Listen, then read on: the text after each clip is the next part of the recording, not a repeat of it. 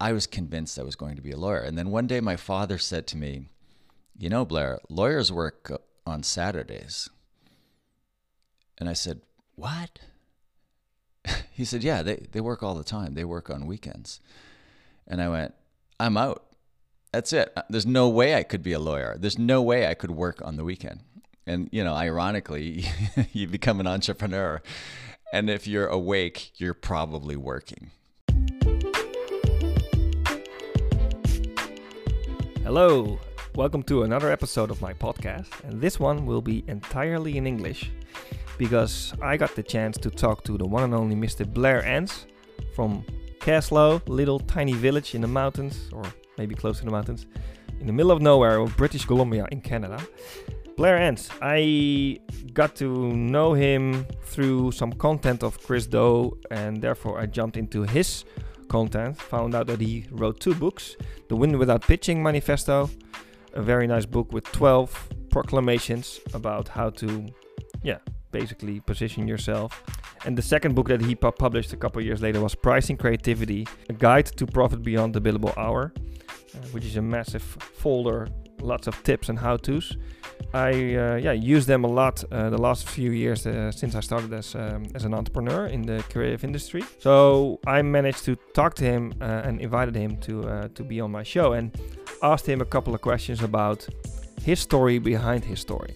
So I wanted to know where he is coming from, why he made choices like going into the mountains with a couple of kids, young kids. What's his vision on the difference between a consultant, a trainer, an entrepreneur? But also as a creative consultant or a creative designer, you sell products or services, or can you sell a service as a product? And what makes a difference between that and, uh, for example, customized work? This interview or conversation, I would say, is a long one, one hour, and is full of nice anecdotes, nice metaphors, total view on the story of Blair Enns, and hopefully it has a lot of insights for you as well. I loved to talk to him, and I'm very grateful to be able to do so. And uh, I hope, once again, you will find some value in this conversation. Enjoy. I have way too much tech for a, a person of my limited technical ability. well, it looks already perfect. I mean, nice plants, a couple of manifestos on the shelf. Yeah. Uh, it's all manifestos in the background because I'm shooting. I mean, the book is 11 years old, but I'm shooting a series of accompanying videos to go with them. Right. Get the sleep out of my eyes. Good morning, Blair. Yes, 4 p.m. for you. 4 p.m. here in the Netherlands, 7 a.m. there in Kaslo, Canada. Yeah. Kaslo. British Columbia, Canada, west coast of, or close to the west coast. How's life in Kaslo at the moment? It's gray, dark, and wet. Gray, dark, and wet, which means autumn, winter time coming up. It's it's. I was going to say it's the in between, but in between would be autumn. But it's in between autumn and winter. It's yeah, yeah. um. I live in a mountain village, and you can if I could see the mountains because it's so foggy right now. You could see the snow. The snow is just above us, so it'll be there will be snow on the ground here shortly. And then you're gonna go on your skis into the mountains. Yeah, maybe. Maybe. Yeah, it'll be. We won't be skiing. November's a hard month for me. I usually travel for hmm. much much of November, as the light changes. Um, not this year. I did. I was in the desert for five or six days at the beginning of the month. That was great. Cool. I can imagine, like talks and traveling is is less than I, you used to, or well, my trip to the desert was the first trip in 22 months, almost two wow. years. So yeah, yeah, yeah, okay. it's been a while. Yeah. So Blair, I know you, obviously, um, but the people that follow me and my podcast might not know you. Can you briefly introduce yourself? Yeah, I'm uh, uh, Blair Enns, founder of Win Without Pitching, which is a sales training organization for creative professionals and I've been running Win Without Pitching since April of 2002, so approaching 20 years. For the first uh, 10, 11 years, it was a uh, solo consulting practice, and since 2013, it's been a training company. So Um, we train creative professionals on various aspects of sales training. We've got a basic win without pitching workshop, and then we've got deep dives uh, in the form of boot camps on pricing, positioning, lead gen, and also coaching. I've written two books. The first is the Win Without Pitching Manifesto, came out in 2010. And in January of 2018, I published Pricing Creativity, a guide to profit beyond the billable hour. I'm working on the third book, but that's all I'll say about book three. I've learned not to talk about them until they're done. Very good. I was I was about to ask you about your third book, but I knew this answer would come up. So let's leave it like that. Um, what I always would, would like to know uh, from people that I try to interview in my series is what is the most common misconception about you, Blair? Oh, I don't know what the perceptions are. Therefore, I don't know what the misconceptions are. Um, you never. Some people might. Some people might know me through a bunch of work I've done on uh, with Chris Do on his channel, The Future. And I was thinking about this yesterday. Chris accuses me of speaking like a robot, and uh, I know he doesn't mean robot. He means something tangential to that, something similar, but not quite. But I'm not sure what it is. I am not robotic. I think sometimes there are some things that I've said, like anybody, I've said a few hundred times, so they come out of my mouths, my mouth fairly automatically. Mm. But uh, the misconception that I would like to clear up it clear up is I am not a robot. to me, I mean, I've watched a lot of videos with you and Chris Do, and so I know also know you through the content of Chris Do in the future. But to me, as an, as a non-English native, you don't sound like a robot, but more like maybe that's Canadian. You're the way you use your words and make it very clear what you mean, and the way you make a phrase is so very good to follow for not English natives. Therefore, I got very attracted to the way you speak. And I don't think that's a robotish kind of talking, but maybe it's something in the culture. What do you think? Well, I appreciate hearing that because I've spoken to a lot of English as second language audiences, ESL, we call it. And I'm always very mindful and appreciative of the fact that somebody would listen to me come to a workshop or a speech in something that is not their native language. I struggle with one language so i'm kind of in awe of anybody who speaks multiple languages. And um, i learned from one of my first international audiences how not to speak to somebody who's not uh, whose language first language is not english or, or, who's not from your culture. I so i did a talk in um, istanbul once. It was an international audience but it just happened to be in istanbul and I'm I'm Canadian. I think there's something about the Canadian sensibility that might be a little bit more tuned into that than than American. Just just because, and this isn't meant as a criticism, but in America, it's like you're taught that you are the center of the world. Mm-hmm. So I remember doing this talk in Istanbul, and the person speaking before me was American, and she clearly had not spoken to a lot of international audiences.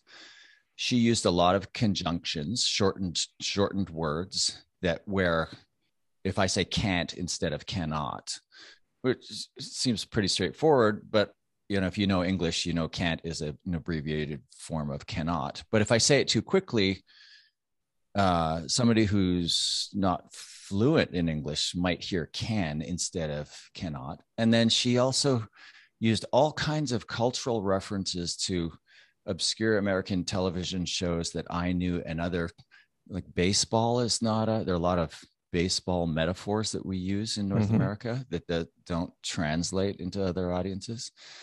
And she was just oblivious to the fact that the audience wasn't tracking with her. So I learned that lesson by watching somebody else fail miserably. And I've always resolved to uh, just be aware of the fact that there are people listening for whom English is not their first language. And well, I appreciate it a lot, Blair. So thanks very much about that. I wrote you a message and I told you a little bit about my red line of the the show that I'm making. Yeah. Um, and I can I can probably talk for hours about value based pricing with you and the content that you create because I'm really really you help me a lot with your content. So once again, thanks very much about that. But I would like to dig into your story, your story, where where you came from and why did you decide to really jump on this and create your vision, if you can say it like that? So, I did watch some shows I uh, where you explained your story, where people ask that question. So I know your story a bit. I know, for example, that you won a speech when you were 13 on school about advertising. Uh, somebody told you when you were 22, uh, you seem to be fearless, so therefore you should go for new business, right? Yeah, yeah. But can you push the rewind button and bring me back to maybe childhood and how this is all evolved, but then in a short, short version? I'll tell you a childhood story that will give you some insight that maybe you haven't heard. So, Yeah, cool. my father was a police officer. He's long, and I, growing up as a child, I was convinced I wanted to be a lawyer. And I think I watched some television shows where lawyers are, you know, they're in court, they're arguing. I, I like logic and I like language. I'm not a very good student, though. I'm not very good at sitting still in a school. So there's no way I would have made it through law school. But, or, or there's no way I would have gotten into law school. But when I was a young teenager, I think, probably 13, 14, maybe even younger than that, I was convinced I was going to be a lawyer. And then one day my father said to me, You know, Blair, lawyers work on Saturdays. And I said, What? he said, Yeah, they, they work all the time. They work on weekends. And I went, I'm out. That's it. There's no way I could be a lawyer. There's no way I could work on the weekend. And, you know, ironically, you become an entrepreneur. And if you're awake, you're probably working. Working. Yeah. What age were you? Do you remember? More I don't know. I I was probably around 13 or so. Yeah. So if not for that comment, it's possible I could have been a lawyer, but I just cannot see myself as a lawyer. I just wouldn't have made it through the academic part. I mean, I was I went to a very low ranked university right straight out of in Canada in the city I lived in, straight out of um, high school, and I was academically expelled after one year it helps your marks when you attend class, which I didn't. So I don't even know what I was doing there. But the idea of me in law school seems so laughable now. But then, so what happened? So you you went straight into, let's say, working mode, and you got a job. What happened?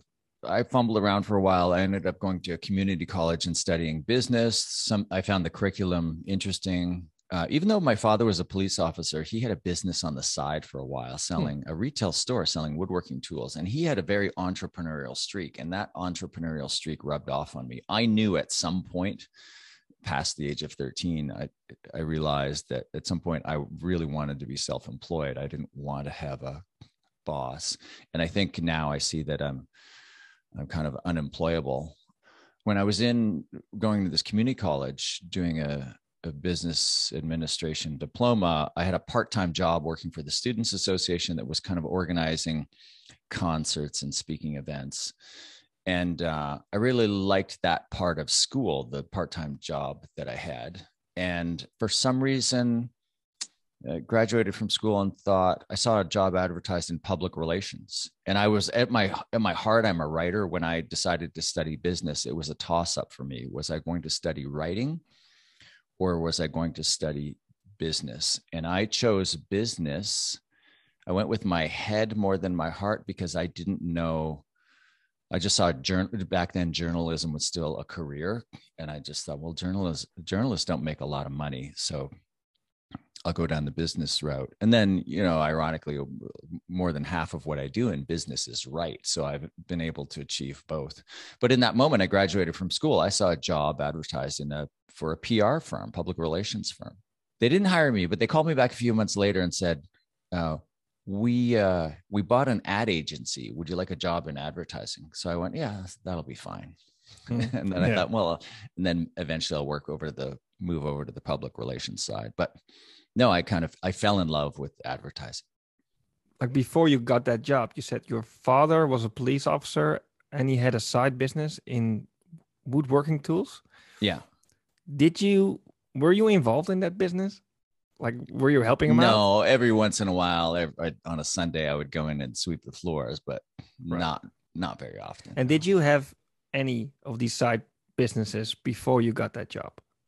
I, so I had two friends who had a business. One of them left the business. It was just a sideline business. One of them left it, and I I kind of stepped in and took over with some fresh ideas. It was making convertible t- tops for a specific vehicle, a Toyota 4Runner, and I don't know if they have 4Runners in uh, the Netherlands, but it's uh, it was a it was a truck where you could remove the like an SUV where you, the top would come off the back. So we did that for a little bit. That was uh, and then I had in 1999, I had a web based business. Myself and three other friends who were also working in advertising decided to launch sell clothing mm-hmm. on the internet. And we didn't like the web was brand new. I think Mosaic had just gone public as Netscape. The Netscape browser had just gone public. Mm-hmm. Was that 99?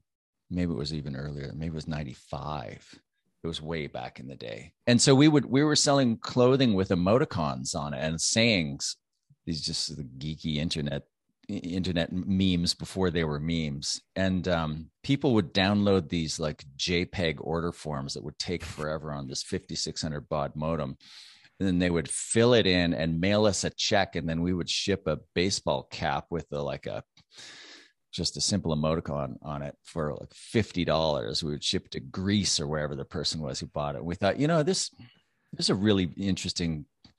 This is an interesting business, and this internet thing could be big. One of us should quit our jobs and do this full time, but nobody believed in it enough to do that. And it's probably one of the biggest regrets of my career. I wouldn't have known how to do it. But I do remember in the late 90s, that business was a few months old. I remember calling one of the big banks in the city that I lived in. And I spoke to, uh, I believe he was a vice president. And I said, I want to be able to take a credit card transaction over the internet. And he laughed at me and he said, Mr. Enns, I can assure you, nobody will ever process a credit card transaction on the internet. It's just not secure enough. Right. So and that's how history. old I am. wow. Okay. Do you do you sometimes look back at that time because you're in the like full pool online business now then not really only in moments like this. like this. i have a tendency to not really look back at all in fact ah. i'm fond of saying i'm not sure the past is real so i don't so, so you ask me about i have to think hard about it and right you know, i don't remember the years and i don't I, no, no, I just don't spend too much time in the past so you were in the ad, ad world ad agencies world and I've for as far as I know, you did this for a while, for a decade or something, and then you decided to make a huge shift, right? Yeah. What happened? What happened? Well, the full story of what happened. So I grew up in this city in central Canada, and my parents had a cottage on a so a cabin on a lake, two hours from where we lived, and then I was working for Young and Rubicam, a multinational ad agency at the time. We just had our first child. I have four now. He's now 26. So this is 26 years ago. So you were around 30 at that time? Uh, I'm 55. Yep. So around 30. Yeah. And um, my parents sold the family cottage to finance an early retirement. They wanted me to buy it. I have three siblings, but I was I spent the most time there at that period. And I couldn't afford to buy it. And I thought, so they sold it. And I thought, well, if I can't, and I was really, I became immediately displaced, even though I lived in the city. I loved being in nature. I loved going out to this place in the woods. And I thought, well, if I can't live in, two, if I can't afford to have two homes, then I might as well live where I want to live. I might as well live in nature. So I pulled out a map of British Columbia, and I'd only been to British Columbia, which is Canada's westernmost province but I had this idea that I wanted to live in a small town of about a thousand people. So I circled all these small towns on the map, and my I took a week's vacation, and my wife and I and our nine week old son drove across the country and visited all these little towns. And the place I ended up finding where I live now, Kaslo, wasn't even on that map. It was so small, but it was an hour away from uh, a small city of ten thousand people called Nelson and I got to Nelson. I thought, this is beautiful. Every place I got to that was circled on the map, I thought, nah, this isn't it. I got to Nelson. I thought, this is beautiful, but it's too big. So the next day we were driving up the lake. And at some point, there's this halfway point between Nelson and Kaslo where civilization starts to disappear behind you. And I thought, whatever is at the end of this road is home. And we pulled into Kaslo, and I just went, this is it. Oh, how long did it take? It took over three years, five years maybe to get there. It took me a while. Why did it so, take so long? Oh, we got home and I was very excited, and I was started saying to my friends, "We're going to move to this little village called Kaslo." And at some point, my wife stopped me and said, "Listen, I'm not going anywhere. I'm having babies. You're going back to work. We're not going anywhere." so I said, "Okay." And then uh, three years later, I think it was three years later. Again, I'm horrible with time. I'm not convinced time is real either. I got a job offer halfway between where we lived and where I wanted to live. And uh, she agreed to move. So I thought, okay, I'm halfway there. And then the job ended up being horrible. Uh, and at some point, my wife said, you know, why don't we just move to Kaslo, raise our kids there? Yeah. So it all worked out. wow. You moved to Kaslo with your ki- kid or kids at that time? Two kids at that Two time. kids? Yeah. Yeah. And then you decided to start up your own business, right? Yeah. The Win Without Pitching Consulting. Yeah. So I, What happened? Well, so the the job I moved for was horrible. I ended up getting fired from that, and we. So you got fired. You didn't even Okay. quit. You got fired. No, but I engineered my own dismissal. Right. Okay. It was. Um, I worked for. I probably shouldn't say that out loud. No. I used to have a nickname for the person I used to work for. A horrible person, but I, you know, I now see her as troubled, so I don't. There's no animosity. And I thought, okay, I'm. They're going to have to fire me, and then we'll have our day in court. And as I was being fired, I thought, I'm not going to take you to court. I'm never going to see you again as long as I live. And I just felt the weight of the world lifting off my shoulders.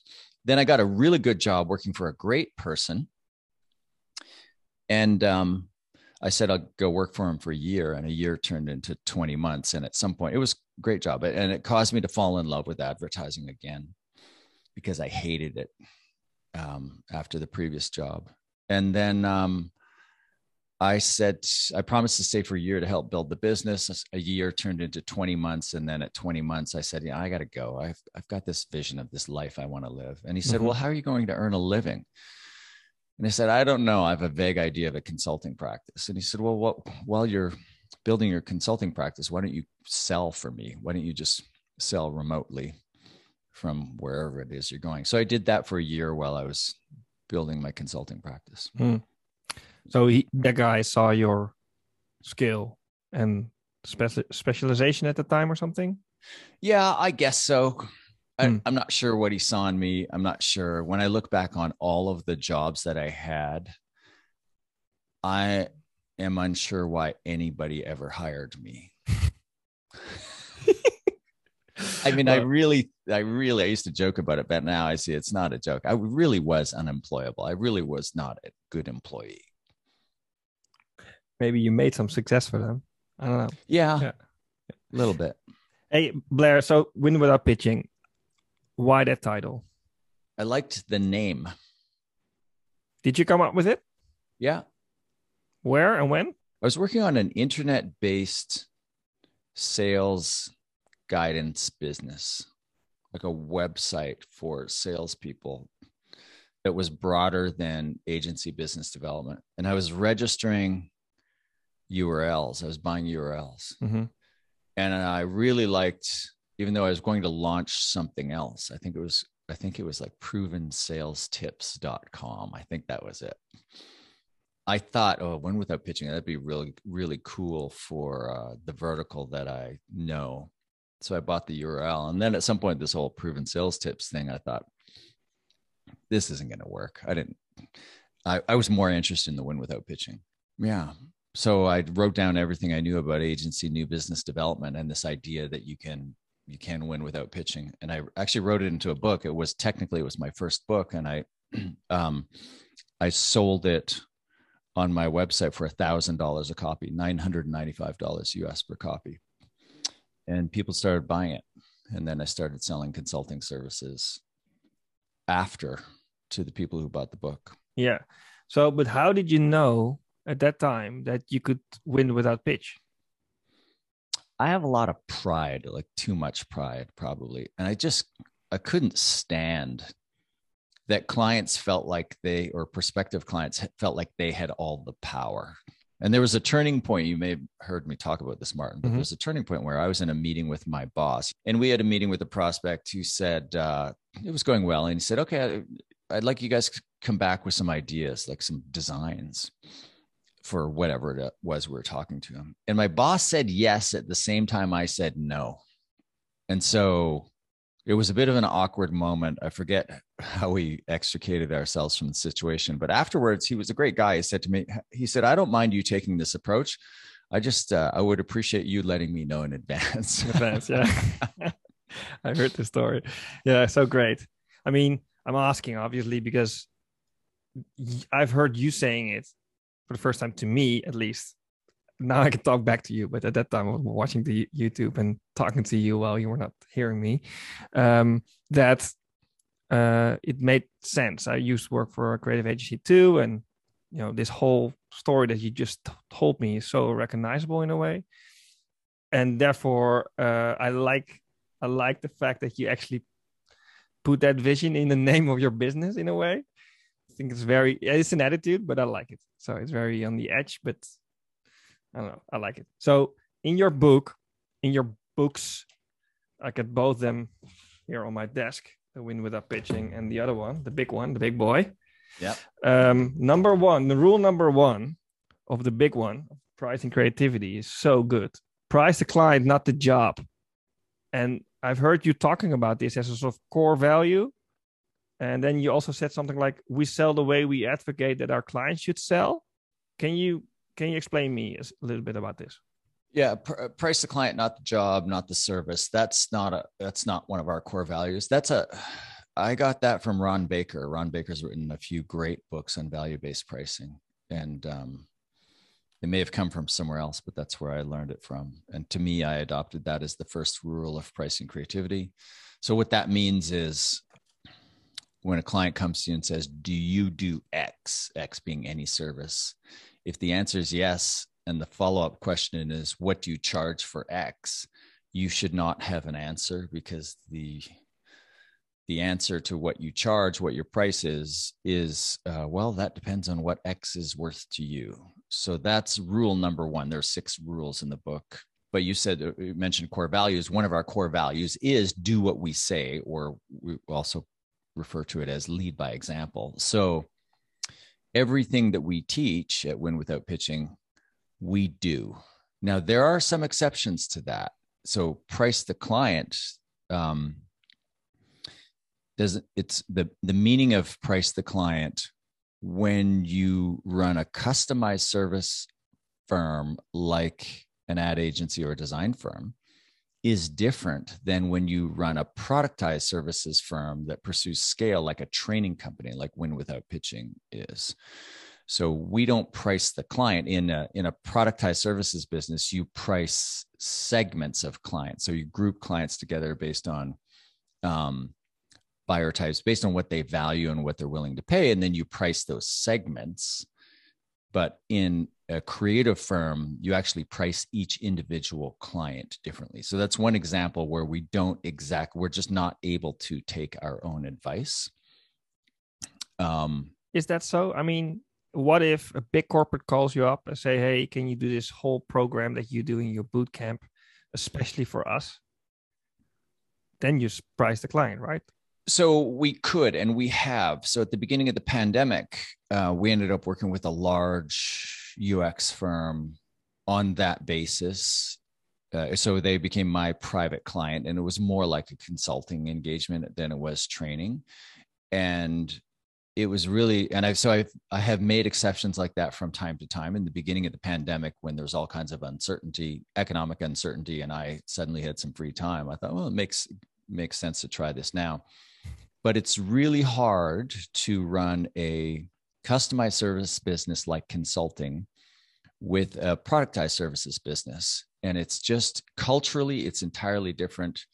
Your business isn't set up for it. So when we do training we have we have standard training programs. And when clients sign up so when our clients sign up for training we're not bending that training to their business. Even in private training there's a little so in coaching coaching calls yeah we're bending advice to this the coaches are bending advice to the situation But when it comes to training, no, we have these standard products that we deliver, and the client has to decide that this training product is right for them. And if they do, then they show up, it's win win. As soon as they're different enough that we have to start bending the material to the specifics of their situation, it really throws us off because we're not set up for that. We, we don't price for it. We're not set.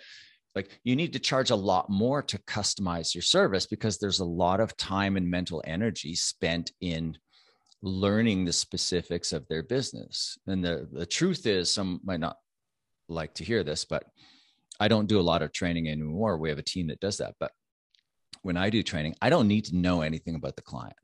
I know I don't, you know, there's some things about the client that will come up in training and I can I can match an example to their situation, but I don't need to do a diagnostic to understand what their situation is. They determine whether or not they need whether or not this type of training is is for them or not.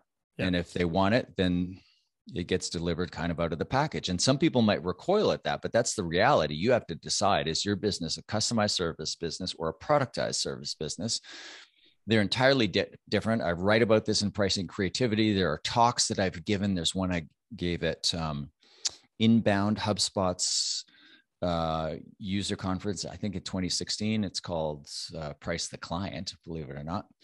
I talk about the difference between these two types of business. And yeah so th- that's a distinction so it, it, could i could we do that yeah we could but it would be a mistake yeah so would you also discourage people then or agency owners to do both yes i would discourage them to do yeah. both i i heard or read somewhere that you like a lot of other people uh, read million dollar consulting yep and there was a line in that book that that was made to stick with you and it was something like most consultants are actually trainers.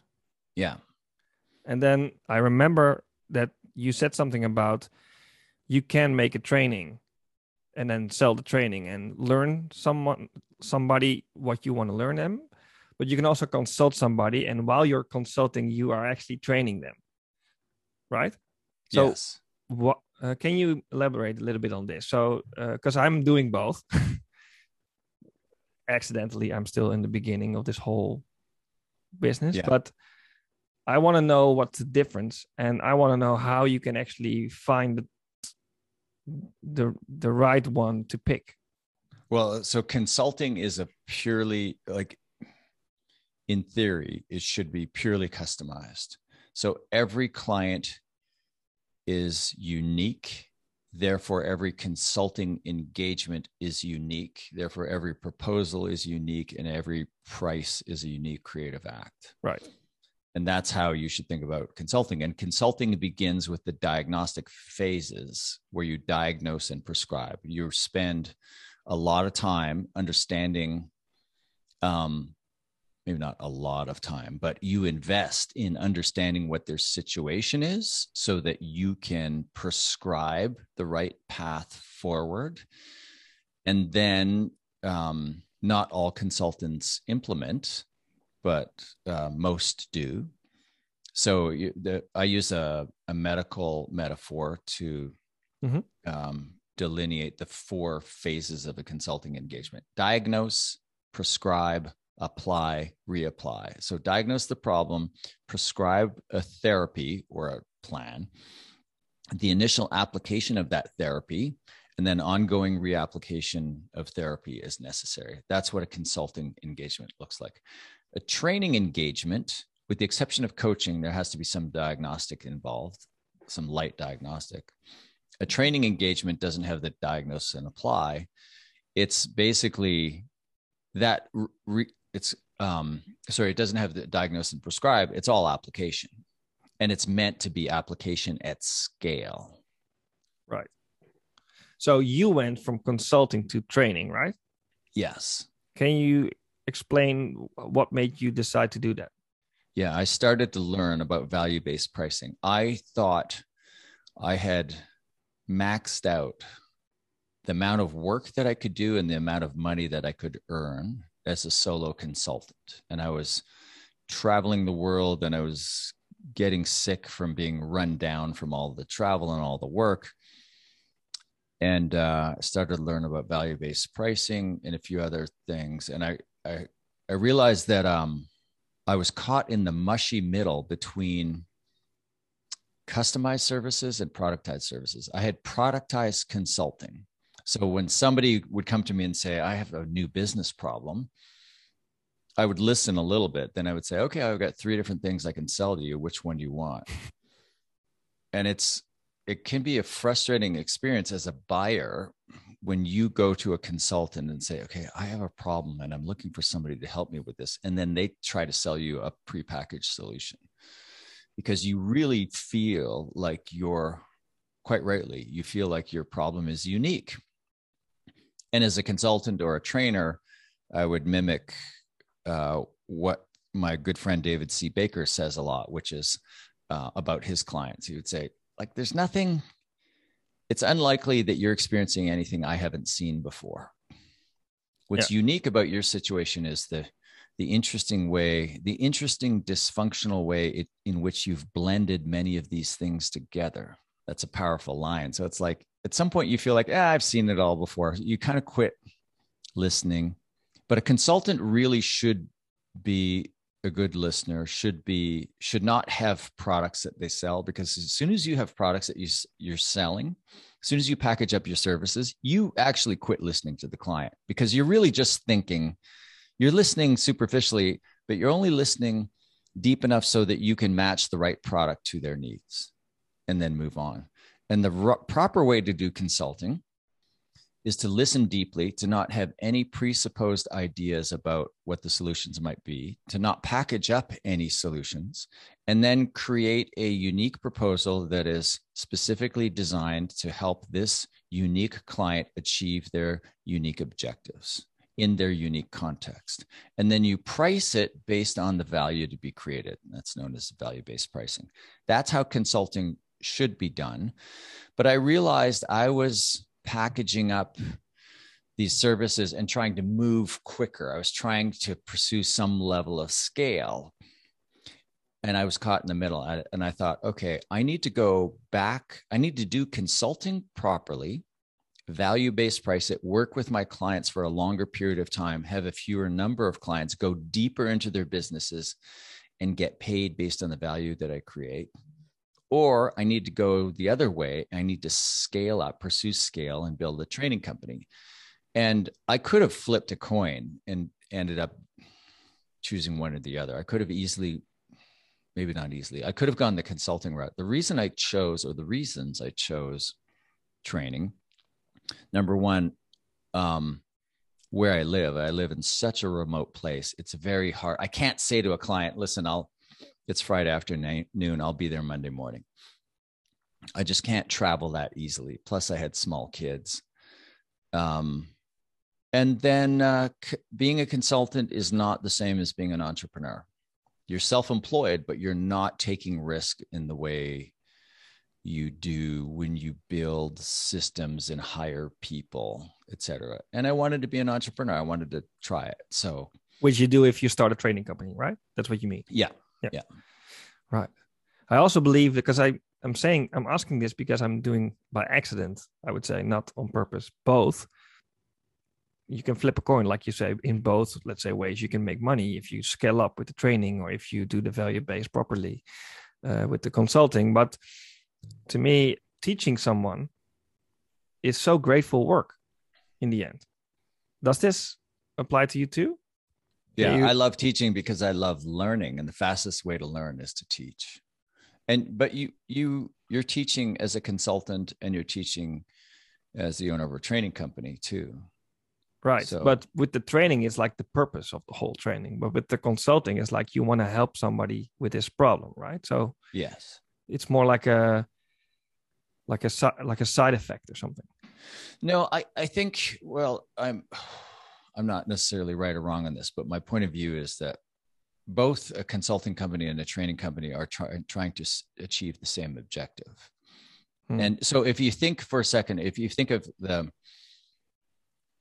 just, just grant me that for a moment while we talk about this a bit they're both mm-hmm. trying to achieve the same objective and a, and a consulting engagement is more expensive and the consultant works with you very closely and is aware of and factors in all of the things that make your situation unique. So you get a service that is customized to you and your business, and you pay a lot for that. And the reason you pay a lot for that is there is a high expectation that value, a high degree of value, will be created. And then at the other end of the spectrum, you have a trainer or a training company who is trying to help you achieve the same objective, but they're not customizing the service to you. Therefore, there's far less degree of certainty that you will achieve the outcomes that you hope to achieve. You more of that responsibility is in your hands. It's less likely that you will achieve that success, but the trade off that causes a people to go to training instead of a consultant. The trade-off is it's far less expensive. So that's this illustrates the reason why being quasi productized doesn't work because productized services business need scale. They need scale because they charge less for what they do. Yeah. they charge less for what they do because their services are not customized to anybody. They're aimed at the average in a segment how many of your clients exactly meet the average at which you aim? Zero. So the understanding is the client does not get customized a customized service. Therefore, the likelihood of executing at a high degree is diminished, but the trade-off is you pay less. And there are mm-hmm. other reasons why you would choose training over consulting. If you have a large number of people that you need trained, a training company would do better than a consulting company. Yeah. Yeah. But that's the tr- so I see a lot of agencies, especially digital marketing agencies, who are productizing their services, but they don't have the scale required to pull it off. So it's a mistake. Yeah. To me, you're very good in teaching me what your whole story. But what what made you so good in explaining how creatives uh, for example, should position themselves or how they should do business. Well, you, have heard of the 10,000 hour rule, which isn't really true and it gets misquoted a lot. If you do something for 10,000 hours, you're, you're, you're an, expert. expert. at it. Yeah. I'm at like 40,000 hours on this. So yeah. I have a lot of time invested in solving a narrow set of problems. What makes you so go so excited to to teach designers or creatives? Oh, I just love creatives. I uh I always think, you know, I could be working in a bank with, and I don't mean to pick on bankers, but that would just drive me crazy. I love my work so much because of the people that I serve are so fascinating to me. I just like creative people. I like being around them, I um, find them stimulating.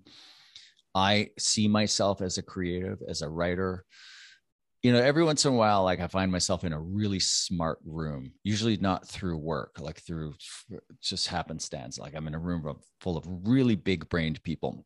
And I think, wow, that's, it's really n- nice to be in a really smart room because I don't, when I'm in a room full of creatives, and this is going to sound disparaging, I'm, I don't mean it as, I don't often think, wow, this is a really smart room, even though it is I just think this is a really interesting room. These people are, you know, creativity is the ability to see. It's the it's not the ability to write or draw, it's the ability to bring a novel perspective to an idea, to think about the problem differently. When you so that is a smart room, but it's not like it's a different type of intelligence. It's what I love about them. It's just they're so good at coming at ideas and problems differently. You could have a conversation about anything and it's interesting mm. because their point of view on everything tends to be interesting. And you get a room full of them together and it's a little bit chaotic and we're all ADHD to a certain extent. but it's just I don't there's no place I'd rather be and there's nobody I'd rather help serve. And I and I understand I've just seen it so many times. I understand that that creative. I understand the the calling, the need to create for a living. I understand that. I have it. And then I understand that once you create for a living, you become really vulnerable because what you're selling is so personal to you. The sense of rejection becomes personal. And also, you didn't sign up for the selling part. Yeah, I was about to ask you about the, your definition of creatives then, but I I know what you mean. I know where you go to because you you're talking about those designers that work for themselves that maybe are freelance or starting their own business, uh, but there are those clever creative people. I once um, bumped into a lady called Kate Raworth Do you know her? No. She wrote a book called The Donut Economy, a new perspective on economy. Um, she's from the UK. She was at a conference here in Amsterdam, and I uh, I sat next to her at a dinner table, and I asked her like, I'm working in the creative scene with designers and copywriters and all these people, um, and I think these are very inspiring people because they create the world that we're living in. And she said, "You know who were the most creative people that I've ever met?" And I said, "No." She said, "Like the people at a bank." And I was like, "Okay, tell me something about that." And she said, "Like the most creative people that I've met were working on a bank because they know from their skills of prediction and also the way they can solve problems. You could say what are problems, but then they came constantly out of the box with new ideas on matters that they were working on. That she got inspired by them and finally jumped into this topic of economy and writing a new book about it. Um, so I thought what do you mean with creative? Do you mean people with ideas to solve problems, or do you mean creatives, you know, Chris Do kind of niche creatives?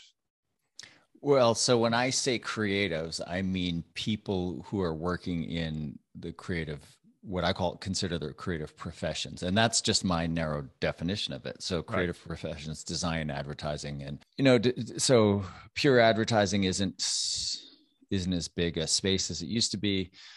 All design firms are also part consulting firms, and many of them are also part software engineering firms. So there's a lot of convergence and messiness in this idea of what is a creative firm today that wasn't there 20 years ago when I started. So when I talk about creatives, I mean somebody were either working in a creative firm or see, sees himself as uh, yeah, so somebody who's working in a creative business like I've just described. Yeah. But my definition of creativity comes from Mihai Csikszentmihalyi. He just died uh, two weeks ago in his late 80s, and so he's the gentleman from um, I forget what university. I think he was at Claremont College when in the end, but he was from University of Chicago, I believe, and he's a psychology professor. He studied psychology he studied creativity and happiness, and he coined the term flow state. You're in this state of flow when you're being challenged out towards the edge of your abilities, but not beyond. You have a sense of mastery. Time speeds up and slows down. You're in the zone, as an athlete would call it. That's the flow state. And his definition of creativity is creativity is the ability to see.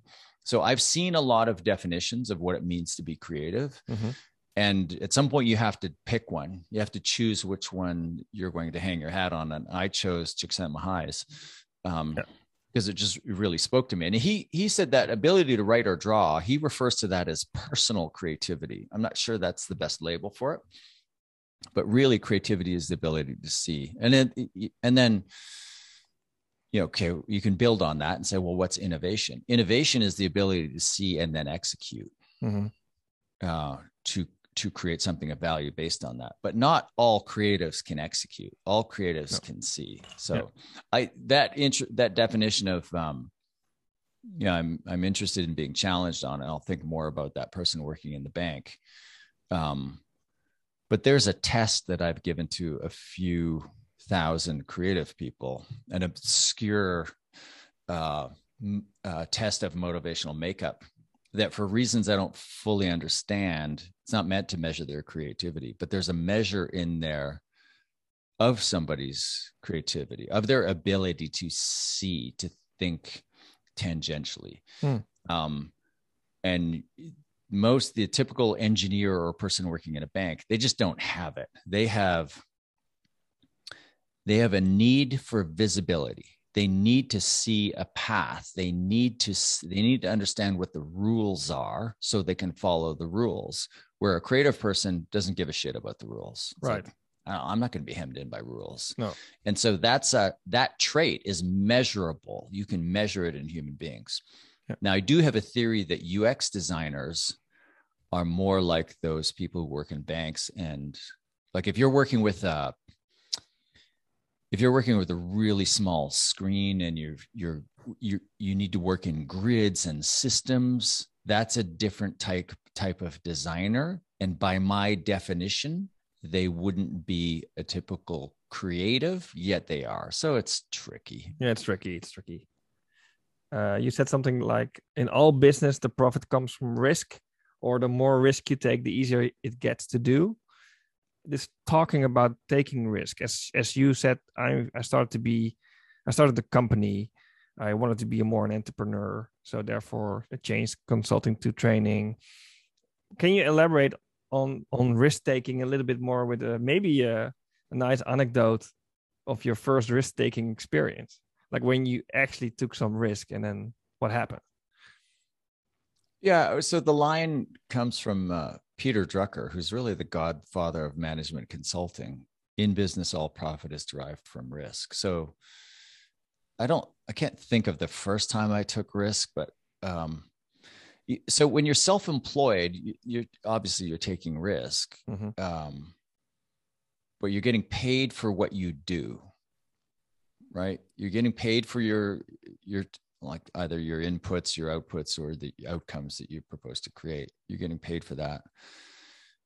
It's not until you generate a profit beyond your salary like your fair compensation that you're really starting to take risk. And so i remember when the pandemic hit right at the beginning and there was all this economic uncertainty there was gridlock. There was economic gridlock because there was so much uncertainty. People everybody just quit spending and at the time 55% of my business was tied to me getting on a plane. Today that is zero.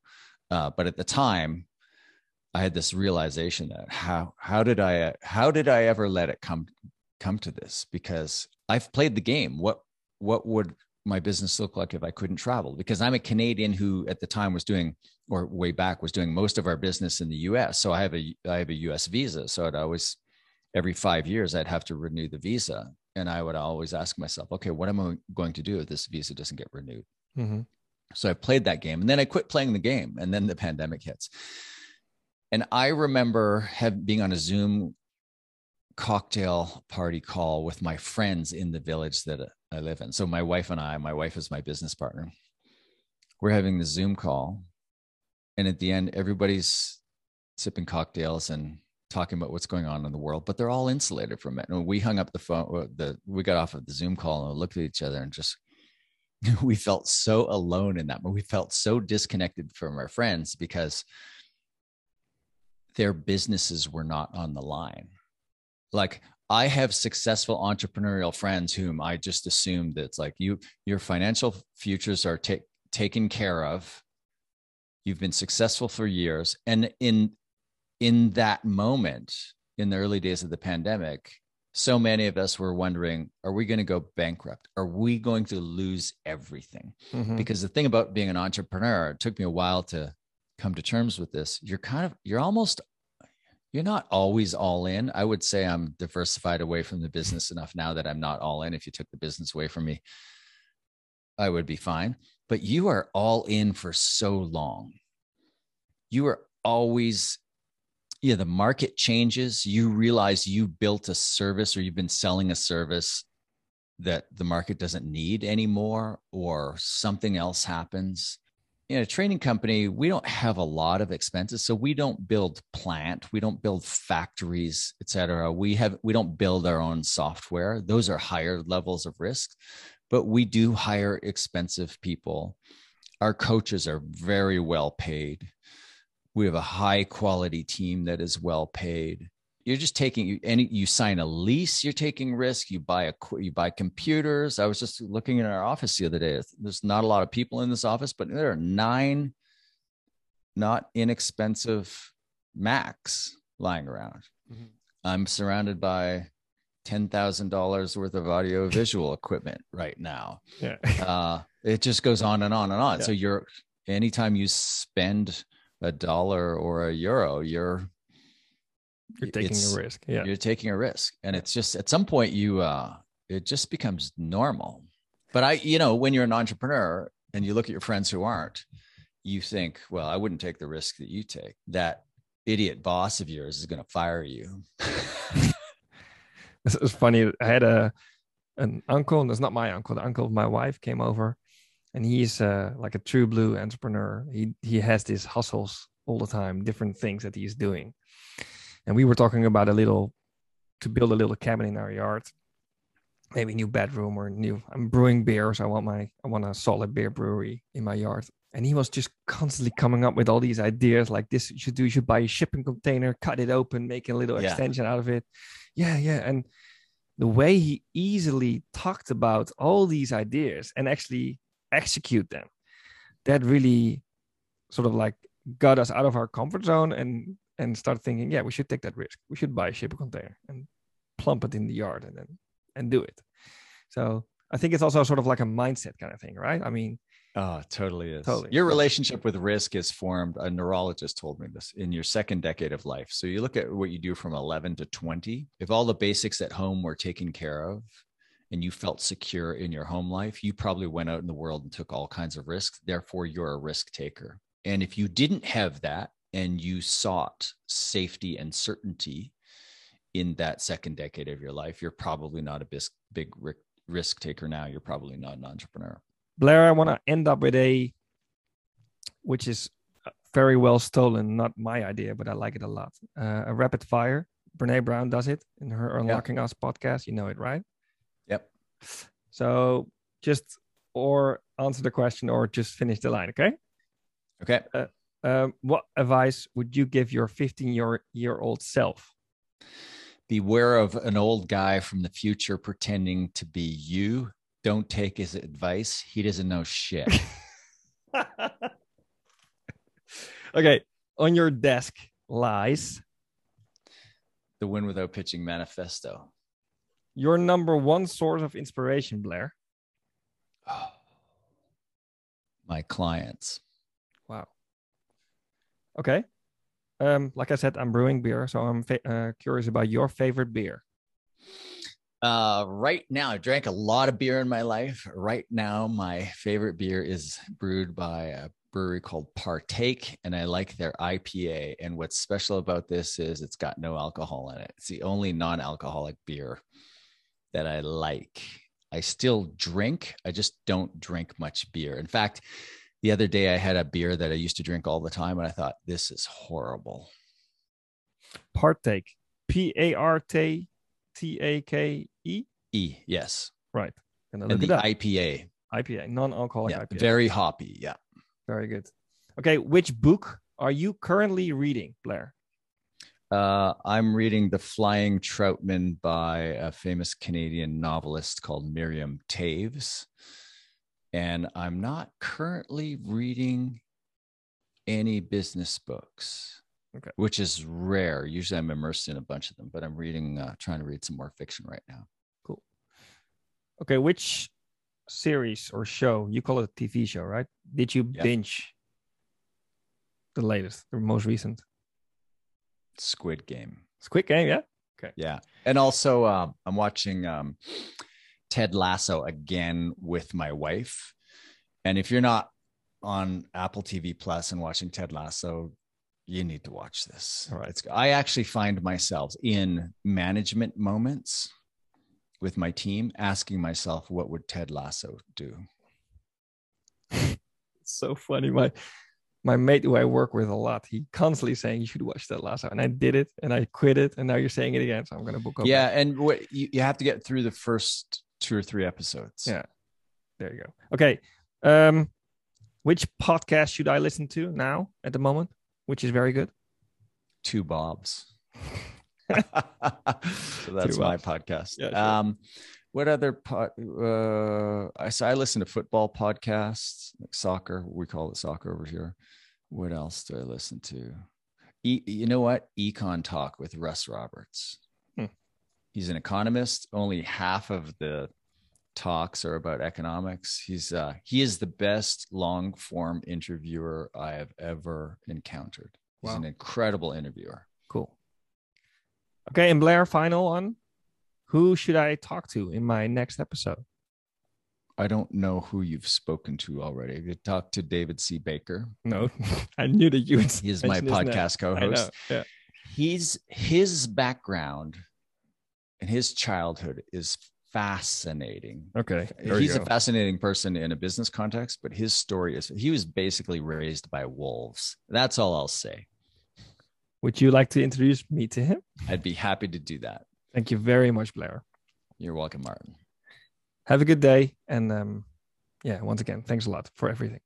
Thanks. I've enjoyed this. Thanks for listening to this episode. I hope you enjoyed it as much as I did. I learned a lot again from Blair, and um, I hope you did as well.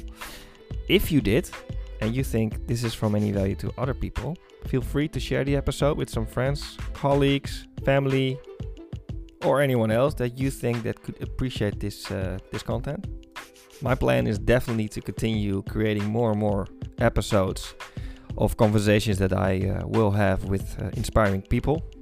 Most of them are Dutch, but sometimes I also speak to English people. So if you want more, feel free to subscribe or leave a review in the Apple Podcast um, app. That would be great. All the feedback, messages, and comments that I get from my listeners truly motivates me to uh, to continue with this podcast. So once again, thanks a lot for listening, and uh, I'll catch you guys later.